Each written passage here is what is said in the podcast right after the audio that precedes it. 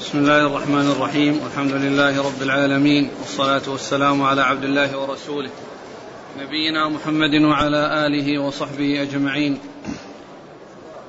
بسم الله الرحمن الرحيم. وهو حسبي. قال الإمام السعيد الحافظ الفقيه الأوحد الصدر الكبير. ناقد الحفاظ تقي الدين. أبو محمد عبد الغني بن عبد الواحد بن علي بن سرور المقدسي. أدام الله توفيقه وأيامه. اقرأ من أول الحديث. قال رحمه الله كتاب الطهارة. عن عمر بن الخطاب رضي الله عنه أنه قال سمعت رسول الله صلى الله عليه وسلم يقول إنما الأعمال بالنية وفي رواية بالنيات وإنما لكل امرئ ما نوى فمن كانت هجرته إلى الله ورسوله. فهجرته إلى الله ورسوله ومن كانت هجرته إلى دنيا يصيبها أو امرأة يتزوجها فهجرته إلى ما هاجر إليه. بسم الله الرحمن الرحيم. الحمد لله رب العالمين وصلى الله وسلم وبارك على عبده ورسوله نبينا محمد وعلى آله وأصحابه أجمعين.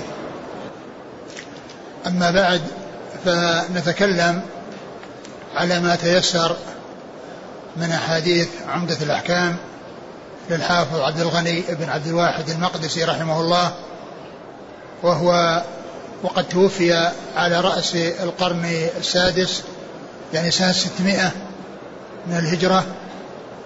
وكتابه عمدة الأحكام أو العمدة في الأحكام من الكتب المختصرة المشتملة على أحاديث الأحكام لأن الكتاب خاص بأحاديث الأحكام. ليس فيه كتب في العقائد يعني ولا في الرقائق ولا في غير ذلك من الأبواب وإنما هو خاص بأحاديث الأحكام من عبادات ومعاملات. وهو من أقصر الكتب التي ألفت في ذلك ومن أقدم ما ألف في ذلك لأنه بعده آه، جاء ابن عبد الهادي وألف المحرر وبعده الحافظ وكذلك الحافظ بن حجر ألف بلوغ المرام. وكل هذه الكتب ونحوها من من أحاديث الأحكام التي آه، تشتمل على ما يتعلق بالطهارة والصلاة والزكاة والصيام والحج والجهاد والنكاح والطلاق والعدد والحدود والقصاص وما إلى ذلك. تعنى بأحاديث الأحكام. فهو من أخصرها وقد اقتصر على اختيار أحاديث من الصحيحين من صحيح الإمام البخاري ومسلم. ويذكر أحيانا بعض الألفاظ لأحدهما ولكنه في الأصل ألف لجمع جملة كبيرة من أحاديث الأحكام المتفق على صحتها. وهو من أخصر ما كتب في ذلك كما ذكرت. و وكانت وفاته سنة 600 يعني من الهجرة. و آه، وكان في زمانه آه، الموفق بن قدامة المقدسي وله كتاب في عمدة الفقه يعتبر من أخصر الكتب التي ألفت في الفقه. وكان في زمانه وقد توفي بعده بثلاثين سنة.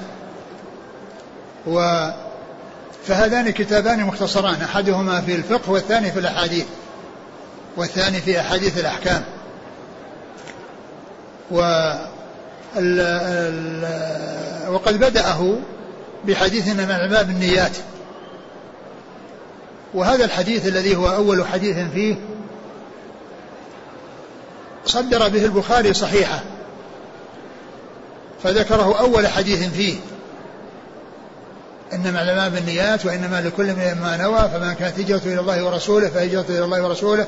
ومن كانت هجرته لدنيا يصيبها أو امرأة يتزوجها فهجرته إلى ما هاجر إليه. وذلك للتنبيه إلى أهمية النية وإلى عظم شأن الإخلاص وأن الإنسان بنيته يحصل الخير ويحصل الثواب.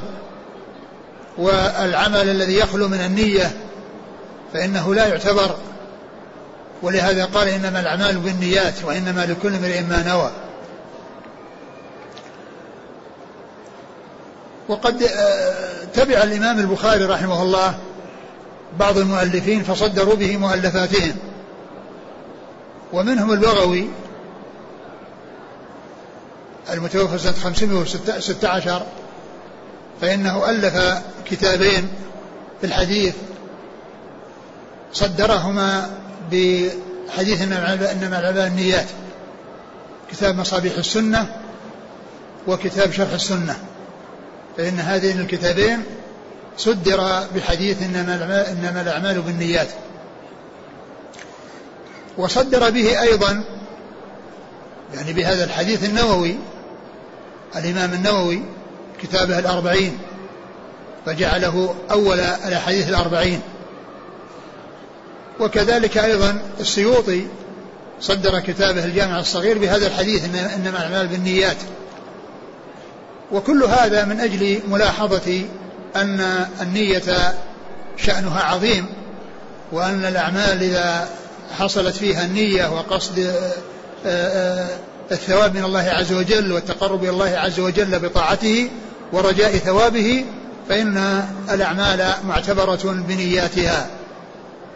فهذا الصنيع من هؤلاء الأئمة الذين صدروا بهذا الحديث للتنبيه إلى أهمية الإخلاص وإلى أهمية النية في العمل وأنه لا عمل إلا بنية وأن العمل الذي يكون خاليا من النية لا يحصل صاحبه من ورائه شيئا.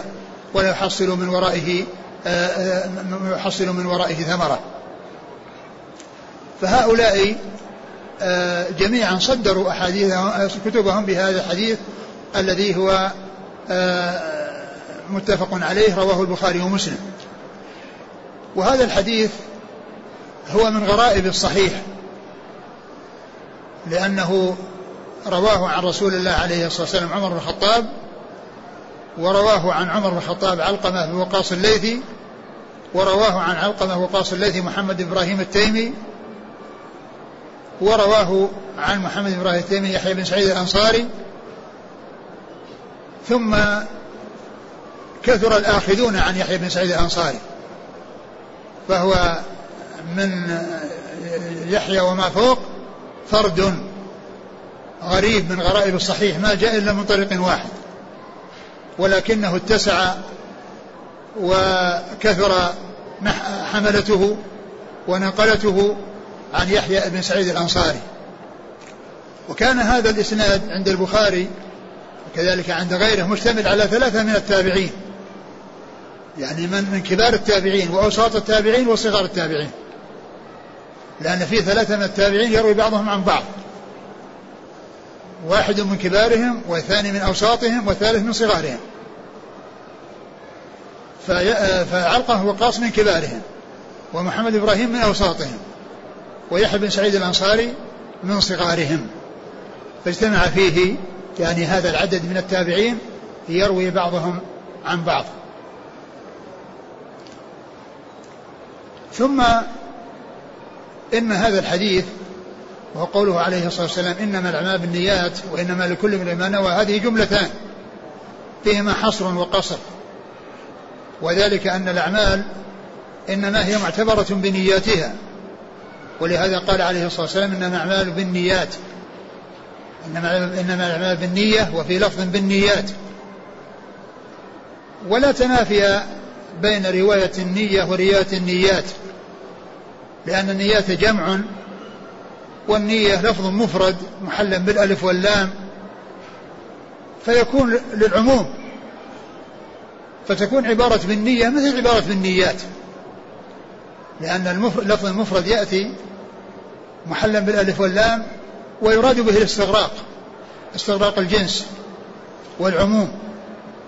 فعلى هذا يكون لفظ النية وهو مفرد متفق مع لفظ النيات وهو جمع لأن المراد بالمفرد هنا الجمع وليس المراد به لفظ الإفراد. ولهذا يأتي اللفظ المفرد محلا بالألف واللام ويراد به الاستغراق ويأتي أيضا اللفظ المفرد مضاف ويراد به الاستغراق والجمع. فالنية فالألف واللام مثل إنما الألف بالنية والمضاف مثل وإن تعدوا نعمة الله لا تحصوها. أن تعدوا نعمة الله لا تحصوها فإن اللفظ المفرد إذا أضيف إلى معرفة فإنه يعم. فإذا المقصود بنعمة الله يعني نعم الله. ولهذا قال لا تحصوها. يعني, يعني معناه أن فيه جمع. وأن فيه آه، آه، كثرة في العدد. وليس لفظا مفردا.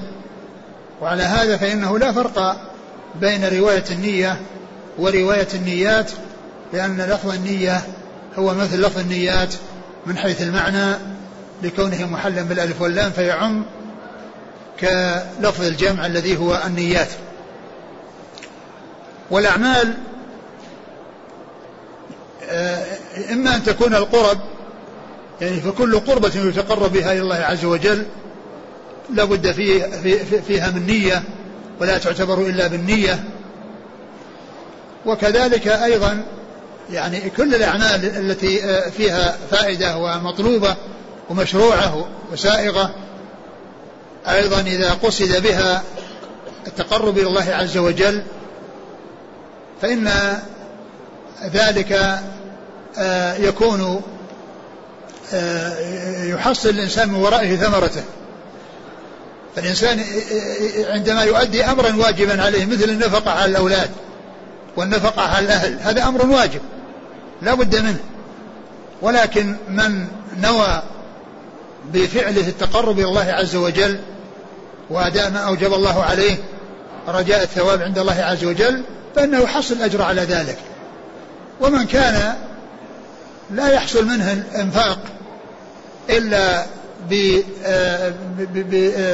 بعدم ارتياح وقد يكون بحكم القاضي إنسان يعني لا ينفق على أهله فيلزمه القاضي بأن ينفق فإنه يكون بإنفاقه أدى الواجب الذي عليه لكنه لا يحصل أجرا لأنه ما نوى لكنه إذا أدى أتى, أتى بالواجب وهو يريد الثواب على الله عز وجل الثواب من الله عز وجل على أداء هذا الواجب فإنه يحصل الأجر والثواب على ذلك.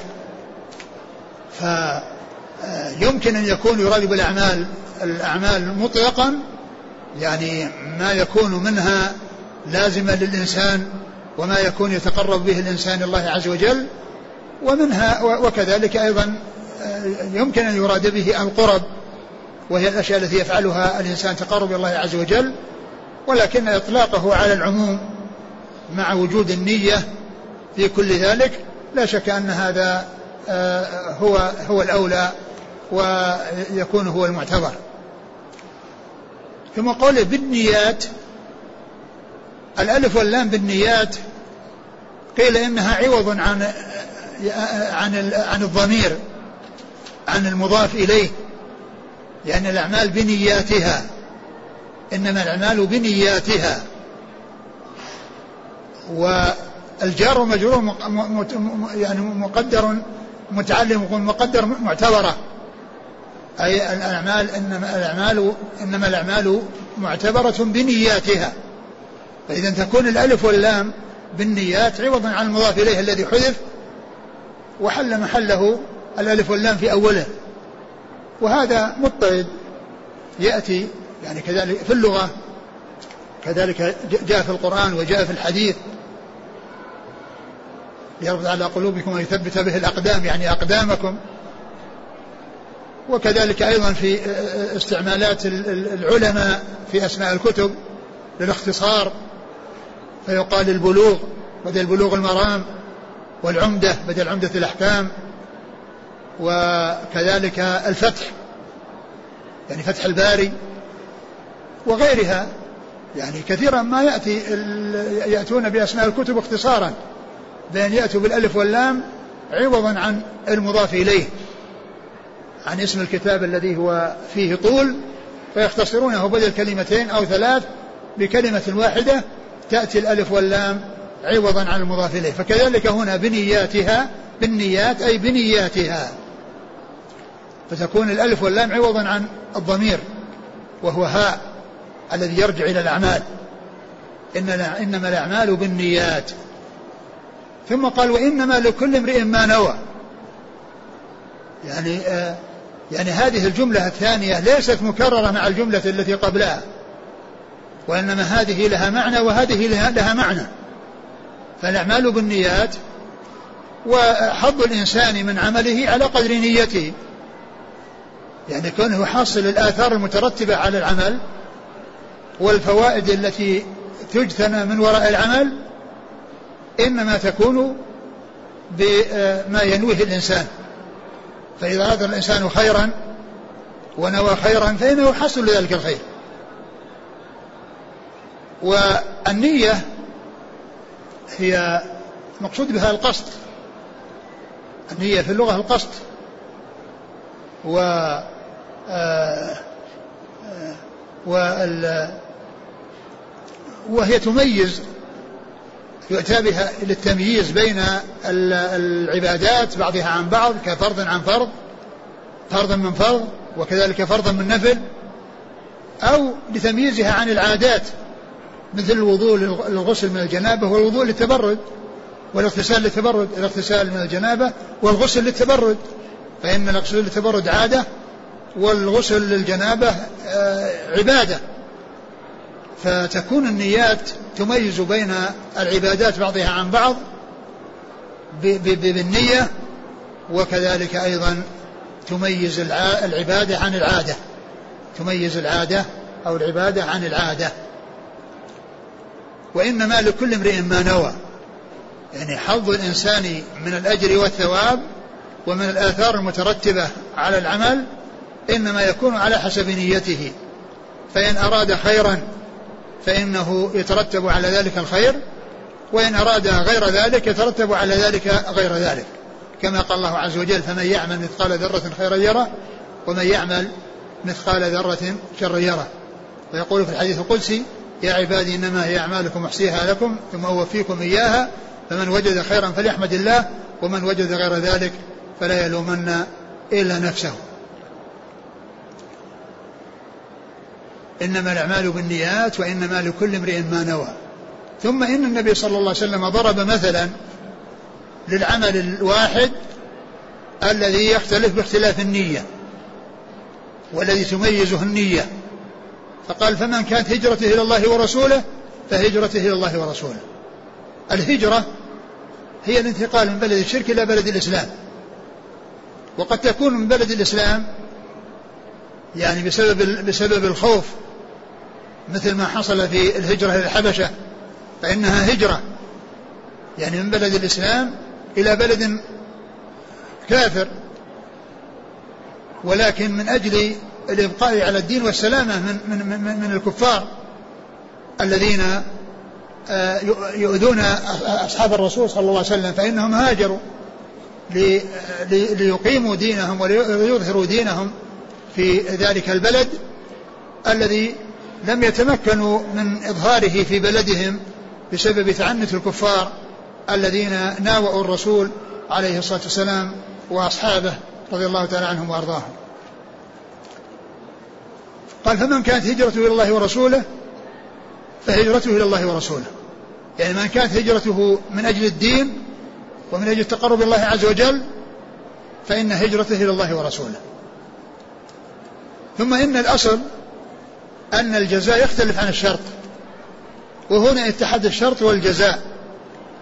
لأن من الشرط من كانت هجرته الله ورسوله والجزاء فهجرته إلى الله ورسوله. والأصل أن أن أن الجزاء غير الشرط. لكن إذا عرف المتعلق بالنسبة لهذا ولهذا حصل الافتراق. ولهذا قال العلماء معنى ذلك من كانت هجرته إلى الله نية وقصدا من كانت هجرته إلى الله ورسوله نية وقصدا فهجرته إلى الله عز وجل ثوابا وأجرا. فصار الثاني غير الأول. فصار الثاني غير الأول لأن الأول يتعلق بالقصد والنية والثاني يتعلق بالثواب والجزاء على العمل. فمن كانت هجرته إلى الله ورسوله فهجرته إلى الله ورسوله. وقال ومن كانت هجرته لدنيا يصيبها أو امرأة يتزوجها فهجرته إلى ما هاجر إليه. فهجرته إلى ما هاجر إليه. أتى بقوله فهجرته إلى ما هاجر إليه لأن كل نوع من أنواع الدنيا أو المقاصد الدنيوية من قصد شيئا معينا فإن هجرته لذلك الذي قصده. يعني من أراد دنيا فإنه يحصل دنيا إذا شاء الله عز وجل أن يحصلها. وتكون هجرته وقصده لأمر دنيوي وليست لأمر أخروي. والأمر الأخروي يحصله من كانت هجرته إلى الله ورسوله. فهذا هو الذي يحصل الأجر والثواب. أما من هاجر لدنيا يصيبها بأن يحصل تجارة ويحصل مال ويحصل ثروة أو يحصل زواج ونكاح امرأة يعني يريدها فإن كل كل فإن كل من هؤلاء هؤلاء وأمثالهم هجرتهم آه، آه، آه، النتيجة أنهم يصلون إلى ما أرادوه سواء هجرة أو غيرها ولكن التمثيل جاء بالهجرة. قال ومن كانت هجرته الدنيا يصيبها أو امرأة يتزوجها فهجرته إلى ما هاجر إليه. يعني الذي هاجر إلى دنيا يحصل دنيا وقصده الدنيا وإذا حصل دنيا فإنه حصل مقصوده والذي هاجر من أجل يتزوج يعني إذا تزوج حصل مقصوده ولكن الهجرة الشرعية التي فيها الأجر والثواب هي التي هي الهجرة إلى الله ورسوله صلى الله عليه وسلم. والرسول عليه الصلاة والسلام ضرب مثلا بالهجرة وذلك لأن شأن الهجرة عظيم لا سيما في ذلك الوقت الذي كان فيه الكفار عادوا الرسول عليه الصلاة والسلام وأصحابه وآذوهم أشد الأذى ومن الناس من يهاجر يريد الخير ومنهم من يريد دنيا فالرسول عليه الصلاة والسلام مثل بذلك. وتمثيله عليه الصلاة والسلام بالهجرة يدل على فضل الهجرة على فضل الهجرة لأن النبي صلى الله عليه وسلم اختارها للتمثيل بها فهو دال على فضلها. ومما يدل على فضلها أيضا الحديث الذي رواه مسلم في صحيحه عن عمرو بن العاص رضي الله عنه الذي قال فيه النبي عليه الصلاة والسلام له أما علمت أن الإسلام يهدم ما كان قبله وأن الهجرة تهدم ما كان قبلها وأن الحج يهدم ما كان قبله. نعم الحديث اللي بعده. والكتاب الطهارة. نعم. نعم والكتاب أول هو أول ذكره في كتاب الطهارة. يعني بدأ بكتاب الطهارة والطهارة هي المفتاح للصلاة. لأن النبي عليه الصلاة والسلام قال في الحديث مفتاح الصلاة الطهور وتحريرها التكبير وتحليلها التسليم فإذا لا يدخل إلى الصلاة ولا يوصل إلى الصلاة إلا عن طريق الطهارة. والطهارة إنما هي باستعمال الماء أو التيمم عند عدمه أو عند عدم القدرة عليه. فإن الإنسان يتطهر إما بالماء حيث وجده وإلا فإنه ينتقل إلى بدله الذي هو التيمم.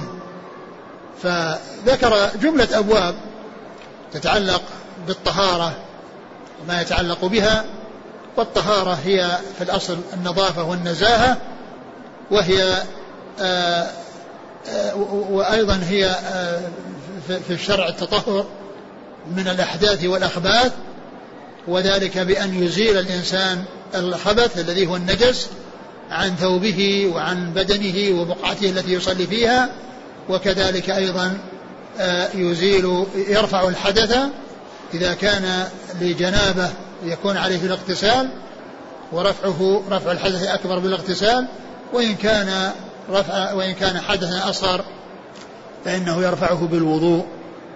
وإذا لم يجد الماء الذي يتوضأ به أو يغتسل به من أجنب فإنه ينتقل إلى التيمم. نعم. إيراد حديث النية كتاب الطهارة المناسب. نعم لأن الطهارة النية هي هي في كل شيء. النية هي في كل شيء في الطهارة وفي غيرها. ولهذا الإنسان لو اغتسل من الجنابة يعني عليه جنابة ولكنه آه، نسيها واغتسل للتبرد أو اغتسل للجمعة ولما فرغ تنبه أن عليه جنابة. فإن ذلك الاغتسال الذي مضى لا يجزي. لأن العمل لابد فيه من نية ورفع الحدث لابد فيه من النية. ثم إن النية محلها القلب ولا يجوز التلفظ بها. ما يقول الإنسان نويت أن أتوضأ نويت أن أصلي نويت أن أن أفعل كذا نويت أن أطوف نويت أن أحج.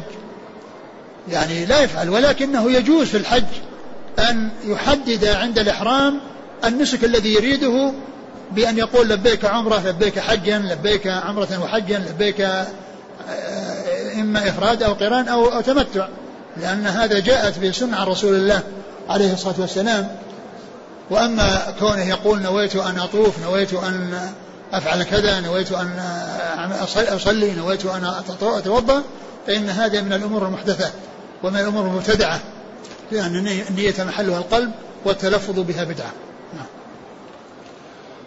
وعن أبي هريرة رضي الله عنه أنه قال قال رسول الله صلى الله عليه وسلم لا يقبل الله صلاة أحدكم إذا أحدث حتى يتوضأ. ثم ذكر حديث أبي هريرة لا يقبل الله صلاة أحدكم إذا أحدث حتى يتوضأ.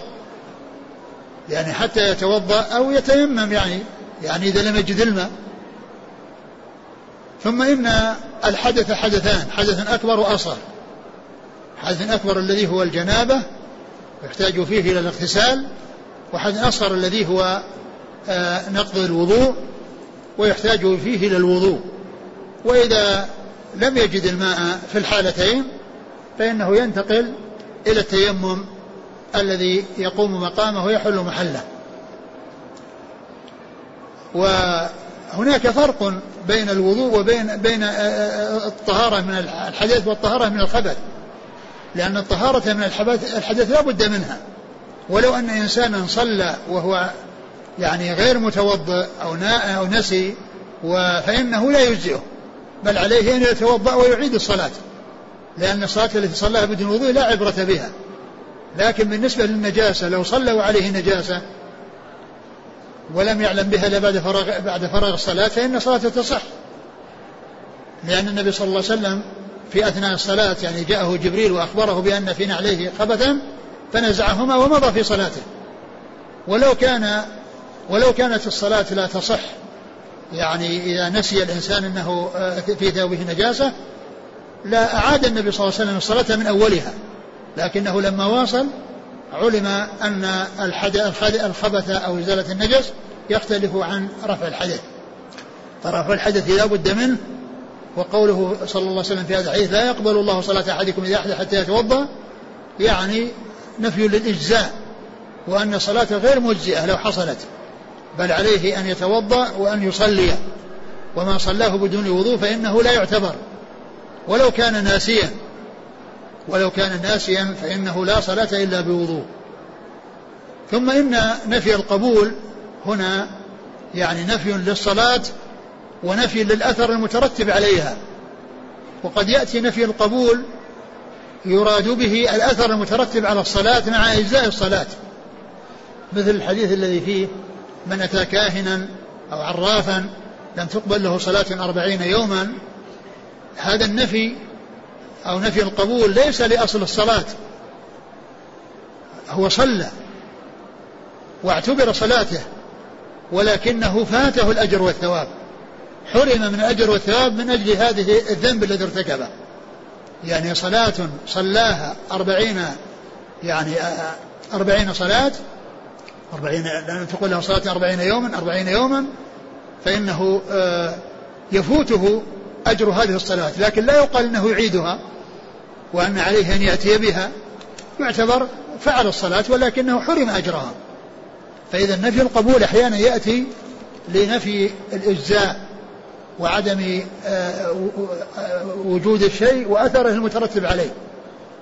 وأحيانا يأتي لنفي الأثر المترتب عليه وإن كان مجزئا لا يطالب بإعادته. لا يطالب بإعادته. نعم. قال وعن عبد الله بن عمرو بن العاص وأبي هريرة وعائشة رضي الله عنهم أنهم قالوا قال رسول الله صلى الله عليه وسلم ويل للأعقاب من النار. ثم ذكر هذا الحديث وحديث عبد الله بن عمرو وحديث عائشة وحديث أبي هريرة. أبي هريرة رضي الله عنهم أن النبي صلى الله عليه وسلم قال ويل للأعقاب من النار. وسبب هذا الحديث أن النبي عليه الصلاة والسلام رأى جماعة من أصحابه يتوضؤون ورأى على بعض أقدامهم من الخلف يعني بياض يعني مكان لم يصبه الماء. فقال عليه الصلاة والسلام ويل الأعقاب من النار. لأن الأعقاب الذي هي خلف القدم وخلف الكعبين لم يصبها الماء فإذا لم تحصل الطهارة وإذا يستحق صاحبها العقوبة. وأيضا والعقوبة يعني إما أن تكون للجسد كله أو تكون لبعض الجسد ولكن الجسد كله يتأذى بحصول آه، آه، العذاب لبعضه. مثل ما جاء في الحديث في الدنيا مثل الجسد إذا استكى منه عضو تداعى له سائر الجسد بالحمى والسهر.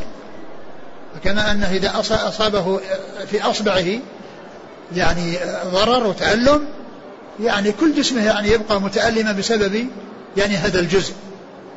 وكذلك جاء في الحديث أن أن أن أن أخف الناس عذابا يوم القيامة أبو طالب عم الرسول صلى الله عليه وسلم لأنه شفع له بتخفيف العذاب عنه فصار في ضحضاح من نار عليه نعلان من نار يغلي منهما دماغه النعلان في أسفله ودماغه يغلو, يغلو من الغليان من شدة الحرارة التي في أسفله. وفي هذا يعني دليل على أن المحل الذي يحصل فيه المنكر يعني قد يعذب به والعذاب يعني إنما يكون يسري إلى جميع الجسد. ومنه الحديث الذي قال فيه الرسول صلى الله عليه وسلم من استمع حديث قوم وهم لها كارهون صب في أذنيه الانك يوم القيامة. وهو الرصاص المذاب يصب في أذنيه لأن استمع بهما وفعل هذا المنكر فيهما. ومعلوم ان ان ان, أن العذاب الذي يحصل للأذنين بصب الرصاص المذاب كل ذلك كل الجسد يحصل له الضرر التضرر بذلك. فالرسول عليه الصلاة والسلام قال هذا الحديث بهذه المناسبة.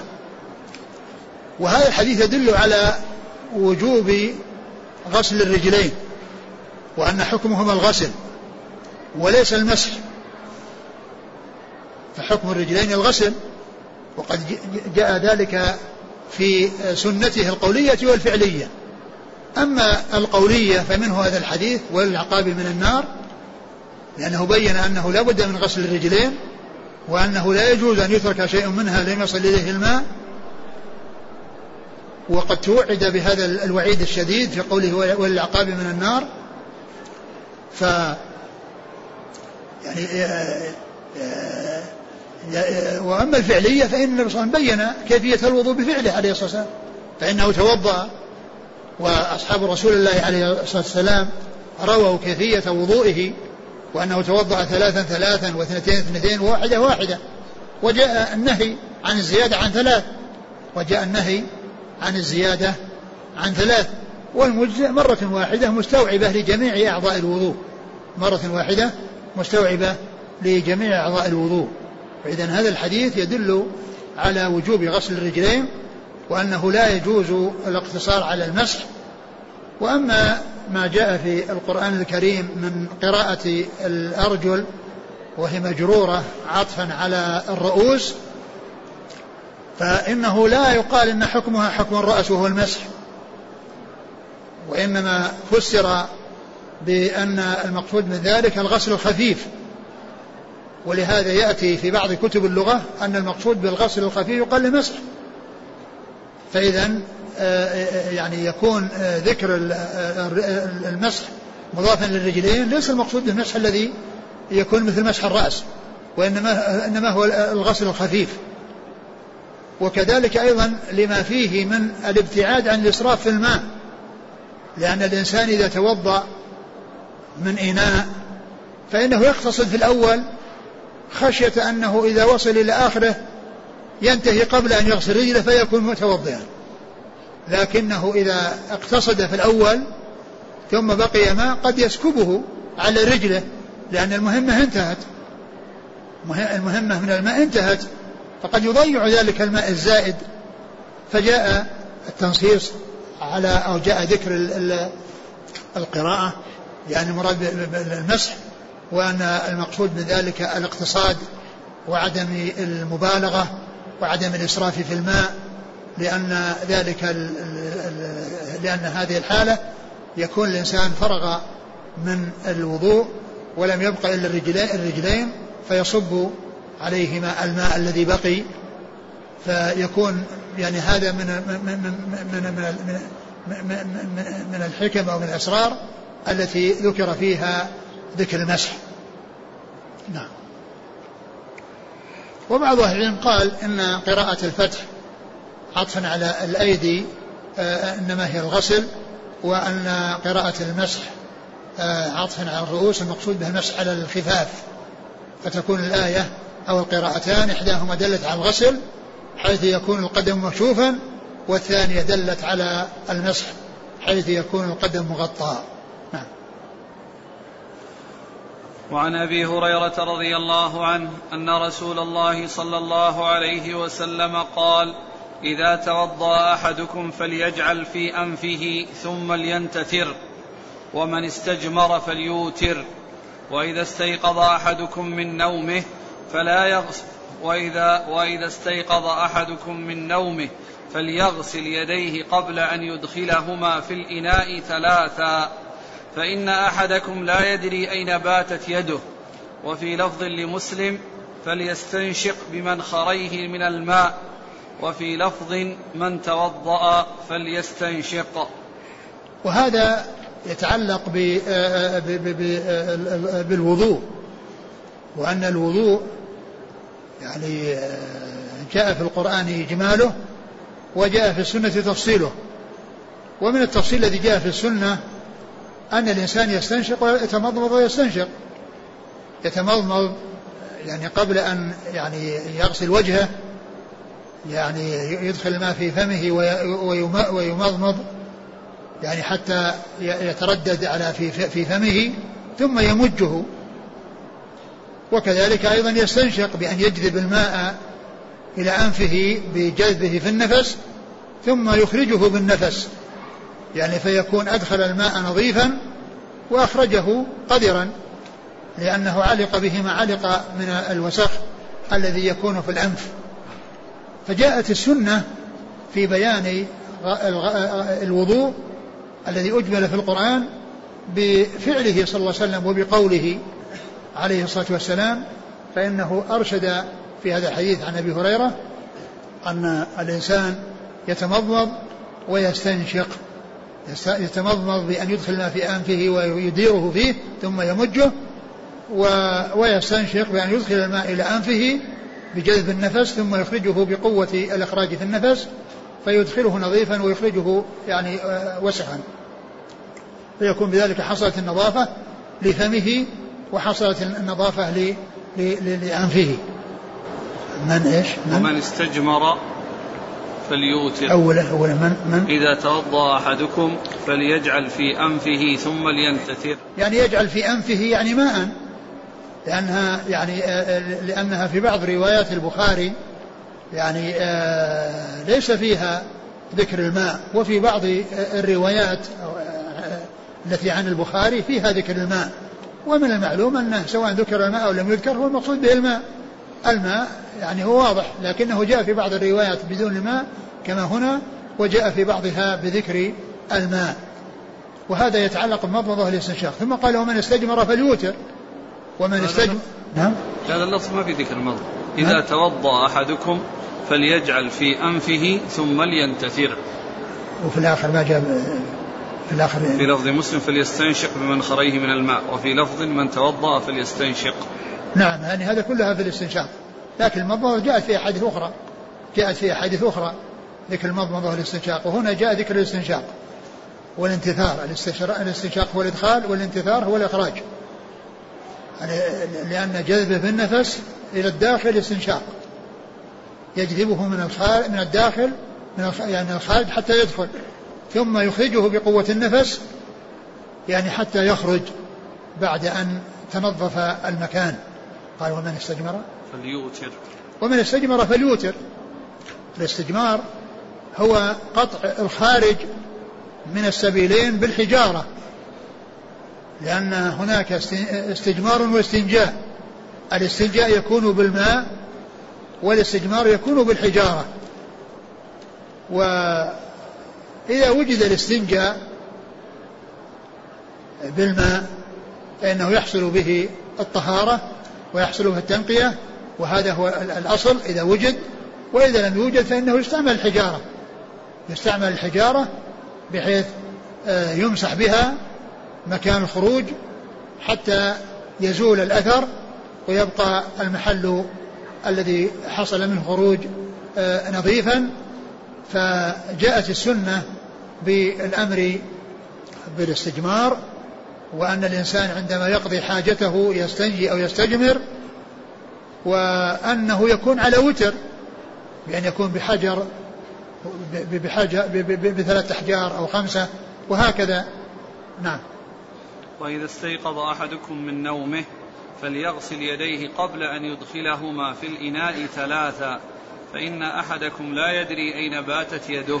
وإذا استيقظ أحدكم من نومه فلا يدخل يده في الإناء إلا بعد أن يغسلها ثلاثا فإنه لا يدري أين باتت يده. لا يدري أين باتت يده. يعني قيل هذا إنه ما هو في نوم الليل لطوله ولاستغراقه ولهذا عبر بالمبيت ولهذا جاء التعبير بالمبيت بخلاف النوم الذي يكون في النهار والذي أحيانا يكون يوما يكون قصيرا فإنه لا يحتاج فيه إلى يعني يعني طبعا الاستحباب. مطلوب بأن الإنسان لا يدخل يده في الإناء إلا وقد آه، غمسها إلا وقد أفرغ عليها. لأن الرسول عليه الصلاة والسلام إذا أراد أن يتوضأ كان يفرغ. وجاء يعني أن الإنسان يفرغ من الإناء على يديه فيغسلها ثلاثا وهذا استحبابا. وأما إذا كان من نوم الليل فإن العلماء اختلفوا في ذلك منهم من قال بوجوبه ومنهم من قال باستحبابه. وقيل إن العلة في ذلك التعبد وأن الإنسان لو أدخل يده في كيس ثم بعد ذلك يستيقظ فإنه يغسلها إذا كان تعبد. وأما وقيل إنه من أجل مظنة النجاسة وهذا إنما يتأتى إذا كانت مكشوفة. وذلك بأن تقع على نجاسة فتتلوث بالنجاسة. فجاءت السنة بالأمر بالغسل قبل أن يغسلها. والإناء إذا أغمس الإنسان فيه لا يقال أنه يسلبه الطهورية. على القول بالوجوب ولكنه يأثم بكونه خالف ما جاءت به السنة عن رسول الله صلى الله عليه وسلم. نعم. وعن أبي هريرة رضي الله عنه أن رسول الله صلى الله عليه وسلم قال لا يبولن أحدكم في الماء الدائم الذي لا يجري ثم يغتسل فيه. ولمسلم لا يغتسل أحدكم في الماء الدائم وهو جنب ثم ذكر هذا الحديث لا يبولن أحدكم في الماء الدائم ثم ثم يغتسل الذي لا يجري. الذي لا يجري ثم يغتسل فيه. ثم يغتسل فيه. آه البول في الماء إذا كان قليلا ينجسه. ولا لم يتغير. وإذا كان كثيرا فإنه ينجس بالتغير. إذا غيرت النجاسة لونا أو طعما أو ريحا للقليل والكثير ينجس. لكن القليل يعني ينجس ولم تغير لونه وطعمه وريحه. فإذا وقع في إناء قليل من النجاسة لم تغير له لونا ولا طعما ولا ريحة فإنه لا يكون طهورا وإنما يراق. ويتوضأ من غير ويتوضأ بماء بماء طهور. يتوضأ بماء طهور. فالبول في الماء الراكد الذي هو لا يجري الماء الدائم الدائم. الدائم. الذي لا يجري. الدائم فسره بالذي لا يجري. لأن الذي يجري يعني يمشي الماء يعني مثل الساقي ومثل النهر يعني يمشي.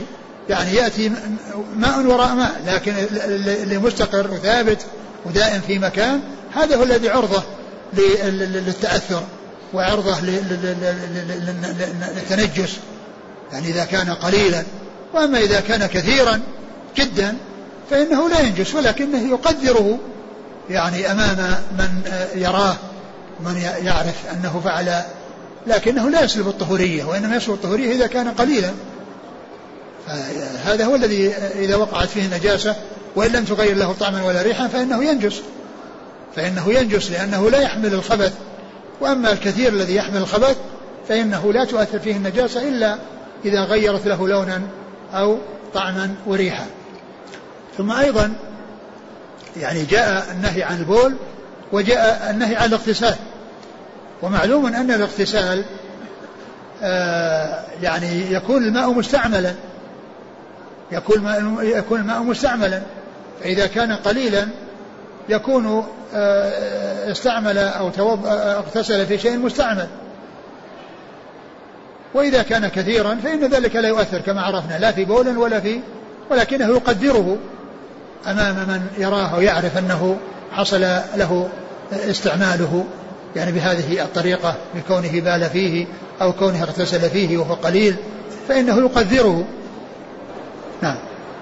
لا يبولن في الحديث. لا يبولن أحدكم في الماء الدائم الذي لا يجري نعم. ثم يغتسل فيه.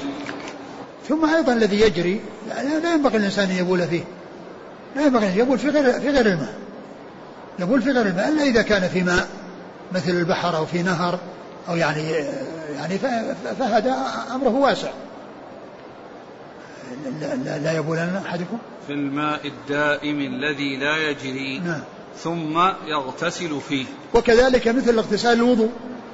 الإنسان يعني الماء الذي يعني حصل فيه البول وهو قليل فإنه يسلب الطهورية سواء كان لرفع الحدث الأكبر أو الحدث الأصغر. نعم وفي لفظ المسلم؟ لا يغتسل أحدكم في الماء الدائم وهو جنوب. نعم لا يغتسل أحدكم الماء الدائم وهو جنوب لأنه يكون بذلك مستعملا ولأنه أيضا يقدره يعني بما علق به من من آثار الجماع وآثار الأشياء المستقدرة. نعم. وعن أبي هريرة رضي الله عنه أن رسول الله صلى الله عليه وسلم قال إذا شرب الكلب في إناء أحدكم فليغسله سبعا ولمسلم أولاهن بالتراب. ثم ذكر هذا الحديث عن أبي هريرة. إذا شرب وفي كثير من الروايات إذا ولغ. الثاني نقرأ نعم. وله في حديث عبد الله بن مغفل أن رسول الله صلى الله عليه وسلم قال إذا ولغ الكلب في الإناء فاغسلوه سبعا وعفروه الثامنة بالتراب. نعم. يعني فيه ذكر يعني ذكر ان ان ان ولوغ الكلب في اناء لا بد فيه من أن يغسل سبع مرات وأن تكون أولاهن بالتراب. قد جاء ذكر التتريب يعني في الأولى وجاء في بعض الروايات إحداهن وفي بعضها أخراهن وفي بعضها وعفروه الثامنة بالتراب ولكن أصحها وأقواها وأرجحها أنها الغسلة الأولى لأنها هي التي تباشر ما حصل من الكلب من القدر فيزيله التراب مخلوطا بالماء. والحديث عبد الله المغفل الذي قال فيه الثامنة هي سبع ولكنها قيل إنها ثامنة باعتبار أن الغسلة الأولى أو أن الغسلة الأولى أو أن واحدة منها جمعت بين الماء والتراب فكأنها صارت ثمان وإلا فإنها سبع. فيكون حمل الثامنة على اعتبار أن الغسلة التي اجتمع فيها التراب والماء أنها تكون واحدة. وبهذا يوفق بين ذكر الثمان وذكر السبع.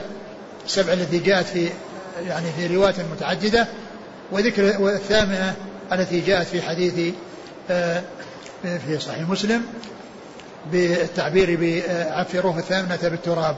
أي يجمع في الغسلة الأولى بين التراب وبين الماء فتكون سبعا وهي باعتبار آه، أن الماء شيء وأن التراب شيء كأنها ثمان وهي في الحقيقة سبع. وبذلك يوفق بين رواية الثامنة ورواية آه، آه، سبعا وكذلك رواية أولاهن. وأصح الروايات وأقواها هي التي التي ذكر فيها الأول أنها في الأول. وأيضا هي المناسبة لأن تباشر القدر والنجاسة التي حصلت من فم الكلب. وكلمة الكلب في الحديث يعني عامة لأنها محلة بالألف واللام فتشمل جميع الكلاب سواء كان كلبا يعني للصيد أو غير الصيد لأنه يعم جميع الكلاب ولا يخص منه كلب عن كلب لأن اللفظ المحلى بالألف واللام يدل على العموم ويدل على الشمول لكل ما يكون آه، يطلق عليه الاسم. أعد الحديث. إذا شرب. عن أبي هريرة أن رسول الله صلى الله عليه وسلم قال إذا شرب الكلب في إناء أحدكم فليغسله سبعا ولمسلم أولاهن بالتراب نعم. وله في حديث عبد الله بن مغفل رضي الله عنه أن رسول الله صلى الله عليه وسلم قال إذا ولغ الكلب في الإناء فاغسلوه سبعا وعفروه الثامنة بالتراب. نعم.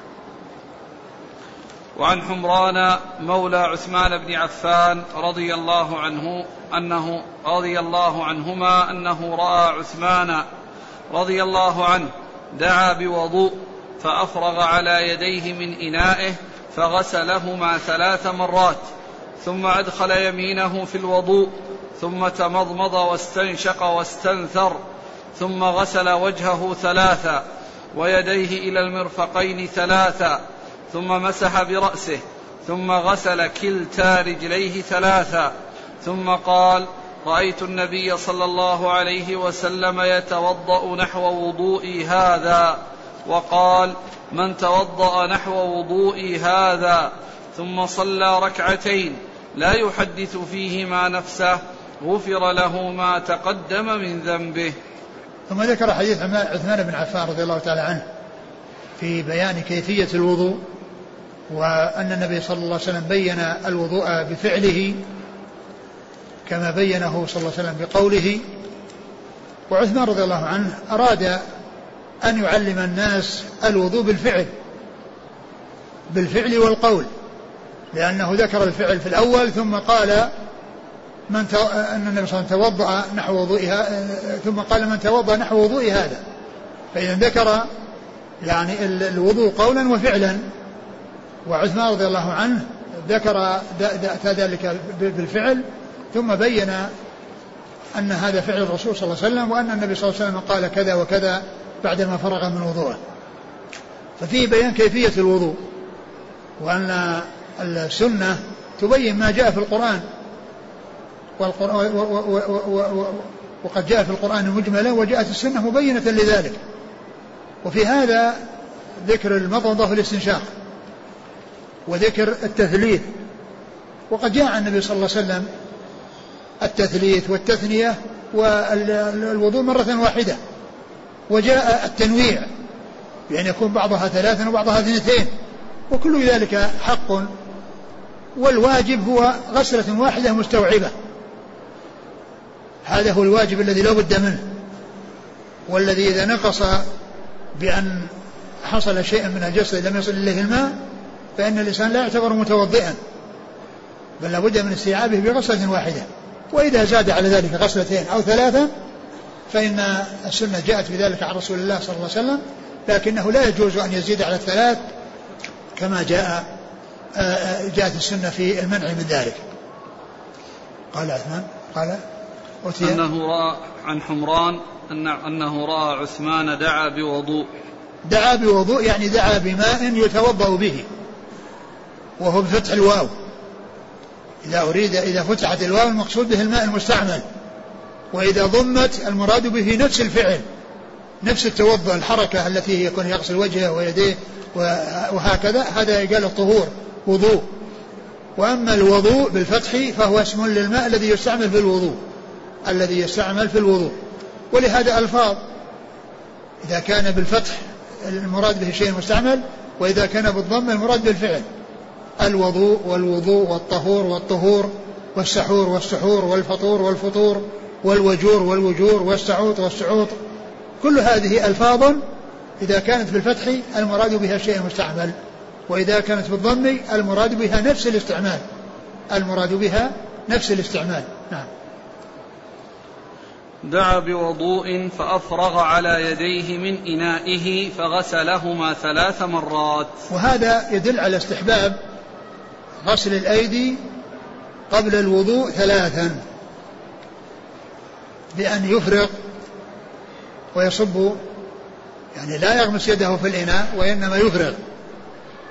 فهذا مستحب وهذا هو الذي ينبغي لأن اليد إذا كان فيها قدر أو كان فيها شيء إنسان لا يدري عنه فإن السلامة من ذلك بكونه غسلها خارج الإناء غسلها خارج الإناء. نعم. ثم أدخل يمينه في الوضوء. لكن هذا الغسل لا يغني عن غسل اليدين. يعني هذا الكفين عندما يروح يتوضأ يغسل اليدين لا يغني هذا الغسل الأول, الأول هذا غسل مستحب ليس بواجب الواجب هو غسل اليدين إلى المرفقين من أطراف الأصابع إلى إلى الكعبين إلى المرفقين وهما داخلان. وهما داخلان الغاية داخلة في المغية. الغاية داخلة في المغية يعني هذا الغسل الذي حصل في أول الوضوء لليدين هذا مستحب. ليس ليس من واجبات الوضوء. وإنما الواجبات هي غسل الوجه واليدين إلى المرفقين فإذا هذا الغسل في الأول لا يغني عن غسل الكفين في الآخر بل عليه أن يغسل لأن هذا مستحب وذاك فرض. هذا الذي قبل الوضوء مستحب وجاء قبل الوضوء وقبل أن يدخل يده في الإناء وبعد ذلك بعدما يغسل الوجه يغسل اليدين بأكملهما يغسل اليدين بأكملهما فلا يكتفي بغسلهما في الأول. نعم. ثم تمضمض واستنشق واستنثر. تمضمض واستنشق واستنثر. استنشق واستنثر تتعلق بالأنف لأن الاستنشاق جذبه إلى الداخل من الخارج بالنفس. والاستنثار هو إخراجه بالنفس من الداخل إلى الخارج. إدخاله نظيفا وإخراجه غير نظيف. ثم غسل وجهه ثلاثا. ثم غسل وجهه ثلاثا يعني ثلاث, ثلاث, مرات. والوجه يراد به ما تحصل به المواجهة. من منابت شعر الرأس إلى ما انحدر من الذقن يعني طولا وعرضا إلى إلى فروع الأذنين. والأذنان من الرأس تمسحان ولا تغسلان. والأذن الأذنان حكمها حكم الرأس. حكمهما المسح كالرأس وليس حكمهما الغسل. كغسل الوجه. ويديه إلى المرفقين ثلاثا. ويديه إلى المرفقين ثلاثا. يعني آه، من أطراف الأصابع إلى إلى إلى نهاية المرفقين. ولهذا جاء في الحديث عن النبي صلى الله عليه وسلم أنه يشرع في العضد. ثم مسح برأسه ثم غسل كلتا رجليه ثلاثا. ثم مسح برأسه. يعني مرة واحدة. وغسل كلتا رجليه ثلاثا. والرأس فرضه المسح وليس الغسل. وقد كثرت الأحاديث بغسله مرة واحدة وجاء في بعضها أنه حصل ثلاثا. وقال بعض أهل العلم أنها شاذة تلك الرواية التي فيها ذكر الثلاث لأنه يؤدي إلى أن يكون مغسولا. أو تكون نتيجة أنه يكون مغسولا لأن إذا تكرر عليه الماء يعني ثلاث مرات يعني صار في حكم مغسول مع أن حكمه المسح وليس الغسل. فإذا يكون المسح يكون بمرة واحدة وأما بقية الأعضاء فإنها تكون كلها مغسولة. وهذا الحديث الذي آه، فيه غسل الرجلين ثلاثا يبين أن أن أن أن أن, أن الرجلين فرضهما الغسل وليس فرضهما المسح كما كما تقدم. نعم. ثم قال رأيت النبي ثم أيضا يعني لابد من الترتيب. يعني فلا يقدم يعني شيئا على شيء. لا يقدم المسح على اليدين ولا يقدم وإنما يأتي به كما جاء في القرآن. الوجوه ثم الأيدي ثم المسح ثم ثم مسح الرأس ثم الرجلين. نعم. ثم قال رأيت النبي صلى الله عليه وسلم يتوضأ نحو وضوئي هذا. وقال من توضأ نحو وضوئي هذا ثم صلى ركعتين لا يحدث فيهما نفسه غفر له ما تقدم من ذنبه. ثم ذكر يعني يعني هذا الحديث آه، عثمان رضي الله عنه لما بين فعل الرسول صلى الله عليه وسلم بالفعل ذكر القول الذي يبين فيه أن الرسول صلى الله عليه وسلم فعل ذلك وأن النبي قال من توضأ نحو وضوء هذا. فإذا بين ذلك قولا وفعلا يعني بأن يكون توضأ على هذه الكيفية وعلى هذا النحو الذي جاء في الحديث ثم قال ثم صلى ركعتين وتكون هي يعني آه، آه، سنة الوضوء لا يحدث بهما نفسه بأن يكون مقبلا على صلاته مشتغلا بها غير منصرف عنها وغير مشغول بشيء سواها فإن من حصل حصل من حصل من من؟ من توضأ نحو وضوء هذا ثم صلى ركعتين لا يحدث فيهما نفسه غفر له ما تقدم من ذنبه. غفر له ما تقدم من ذنبه. غفر له ما تقدم من ذنبه حيث تكون الصلاة على هذا الوصف الذي فيه السلامة من انشغال القلب واشتغاله بغير الصلاة وإنما يكون مقبلا على صلاته يناجي الله عز وجل ويرجوه ويخافه. ثم قوله غفر له ما تقدم من ذنبه المقصود من ذلك الصغائر وأما الكبائر فإنه لا بد فيها من التوبة. وقد جاء وهذا الإطلاق الذي جاء في الحديث جاء بيانه مقيدا في أحاديث أخرى في مثل قوله صلى الله عليه وسلم الجمعة إلى الجمعة ورمضان إلى رمضان والصلاة الخمس مكفرات ما بينهن ما اجتنبت الكبائر ما اجتنبت الكبائر وأما الكبائر فإن التوبة هي التي تكفرها فالصغائر تكفرها الأعمال الصالحة وأما الكبائر فإنها تكفرها التوبة نعم. عن عمرو بن يحيى. عن عمرو بن يحيى المازني عن أبيه أنه قال شهدت عمرو بن أبي حسن سأل عبد الله بن زيد رضي الله عنه عن وضوء النبي صلى الله عليه وسلم فدعا بتور من ماء فتوضأ لهم وضوء النبي صلى الله عليه وسلم فأكفى على يديه من التور فغسل يديه ثلاثا ثم أدخل يده في التور فمضمض واستنشق واستنثر ثلاثا بثلاث غرفات ثم أدخل يده فغسل وجهه ثلاثا ثم أدخل يديه فغسلهما مرتين إلى المرفقين ثم أدخل يده فمسح رأسه فأقبل بهما وأدبر مرة واحدة ثم غسل رجليه. وفي رواية بدأ بمقدم رأسه حتى ذهب بهما إلى قفاه ثم ردهما حتى رجع إلى المكان الذي بدأ منه.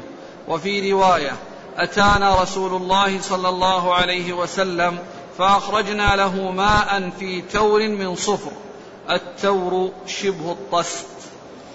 ثم ذكر هذا الحديث وهو مثل حديث حديث عمار رضي الله عنه يعني في كيفية الوضوء إلا أن فيه ذكر آه، غسل اليدين مرتين يعني ذكر المضمضة والاستنشاق ثلاثا وذكر الغسل يعني قبل الوضوء ثلاثا غسل اليدين وذكر غسل الوجه ثلاثا وذكر غسل الرجلين اليدين مرتين.